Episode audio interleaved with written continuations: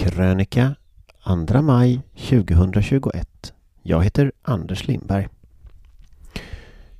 Hur vet vi att Attendo inte ljuger nästa gång? Väljarna bör fråga vad fan får jag för pengarna? Vi hedrar de arbetare som dött av sitt jobb genom att kämpa för de som lever. LOs namninsamling för en bättre arbetsmiljö har vit text på svart bakgrund. Det kräver att arbetare i kontaktnära yrken som inte kan jobba hemifrån ska prioriteras i vaccineringen. Att det måste finnas tillräckligt med personal för att arbetet ska kunna utföras säkert och att pressen på folk att vara på jobbet även om de är sjuka upphör. Det kan låta som självklarheter, men det som utformade den svenska coronastrategin verkar ha glömt bort att folkhälsa till stor del handlar om klass. Och att en trygg arbetsmiljö även är grunden för att smittan ska kunna begränsas, särskilt i verksamheter som vård, omsorg och service. En av dessa arbetare är vårdbiträdet Stine Kristoffersen som i Expressen slog larm om brister i vården på Attendos äldreboende Sabbatsbergsbyn.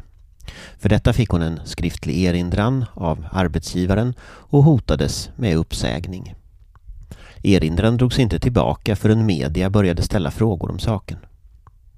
Sveriges Radios dokumentär om Stine Kristoffersen, Det illojala vårdbiträdet av reportern Johanna Sjövall, är på ren svenska bland det jävligaste jag hört. Det illustrerar allt som är fel med svensk äldreomsorg. När smittan började spridas förra året gick Attendo ut med lugnande besked till anhöriga om att sjuka och friska boende skulle hållas isär. Det kallas kohortvård.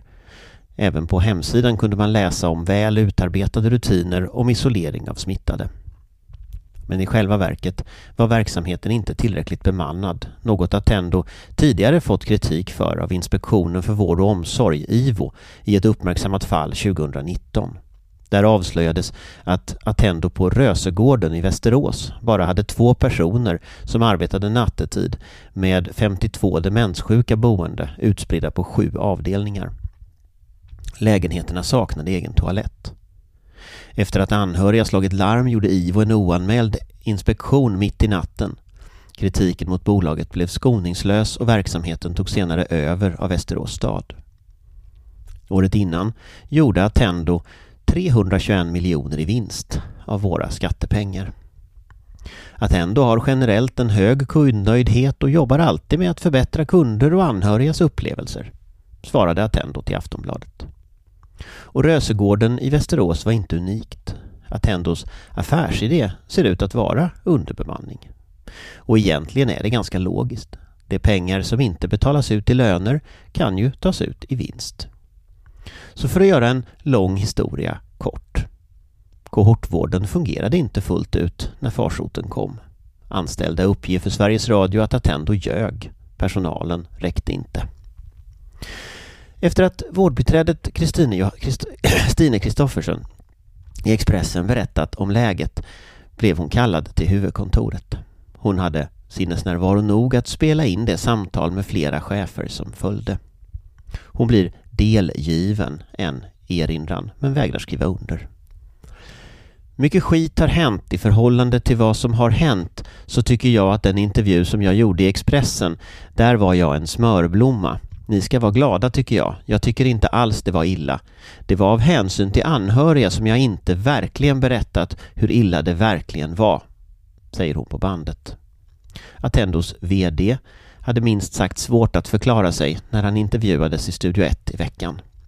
Förutom att företaget har ljugit för anhöriga, brutit mot riktlinjerna om kohortvård och straffat Stine Kristoffersen för att hon pratat med media ställde Studio 1 den uppenbara frågan om människor faktiskt kan ha dött i onödan. I dolda inspelningar framkommer att man verkar ha undvikit att säga sanningen för att inte oroa i onödan. Alltså givit informationen med berått mod, som Sveriges argaste partiledare kanske skulle ha sagt. Sannolikt kan Attendos rykte inte räddas med mindre än att hela koncernledningen och samtliga inblandade chefer får sparken, om ens då. För hur ska anhöriga, eller journalister, kunna tro på någonting Attendo säger i framtiden? Hur vet vi att de inte ljuger igen? Situationen påminner lite om när en annan vårdjätte, Carema, hamnade i blåsväder för några år sedan. Det slingrade sig, angrep kritiker och försökte på olika sätt informera media och allmänhet tills de gav upp och bytte namn. Idag heter de Vardaga. Om man höjer blicken från Attendo visar skandalerna även äh, en av coronakrishanteringens akilleshälar. Att det saknas fungerande system för uppföljning och kontroll för att all denna privatiserade vård och omsorg verkligen följer riktlinjer, råd och rekommendationer. Sannolikt är det Stine Kristoffersen som är unik, inte situationen på Sabbatsbergsbyn.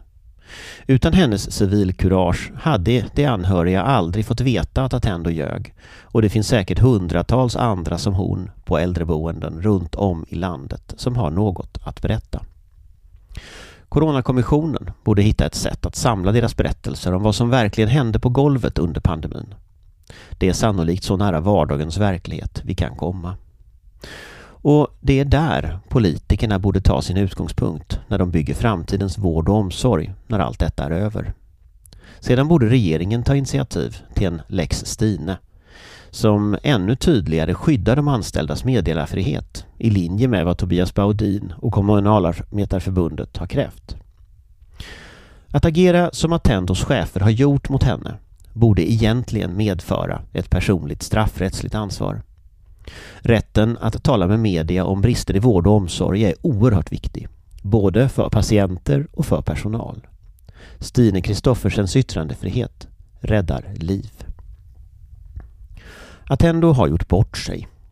Samtidigt har de tydligt visat vilken vård vi får om vinstintressen tillåts styra och det kommer inga PR-nissar att kunna tvätta bort. Den fråga skattebetalarna och väljarna borde ställa sig är Leifs Östlings gamla klassiker. Vad fan får jag för pengarna? Ni får Attendo. Grattis!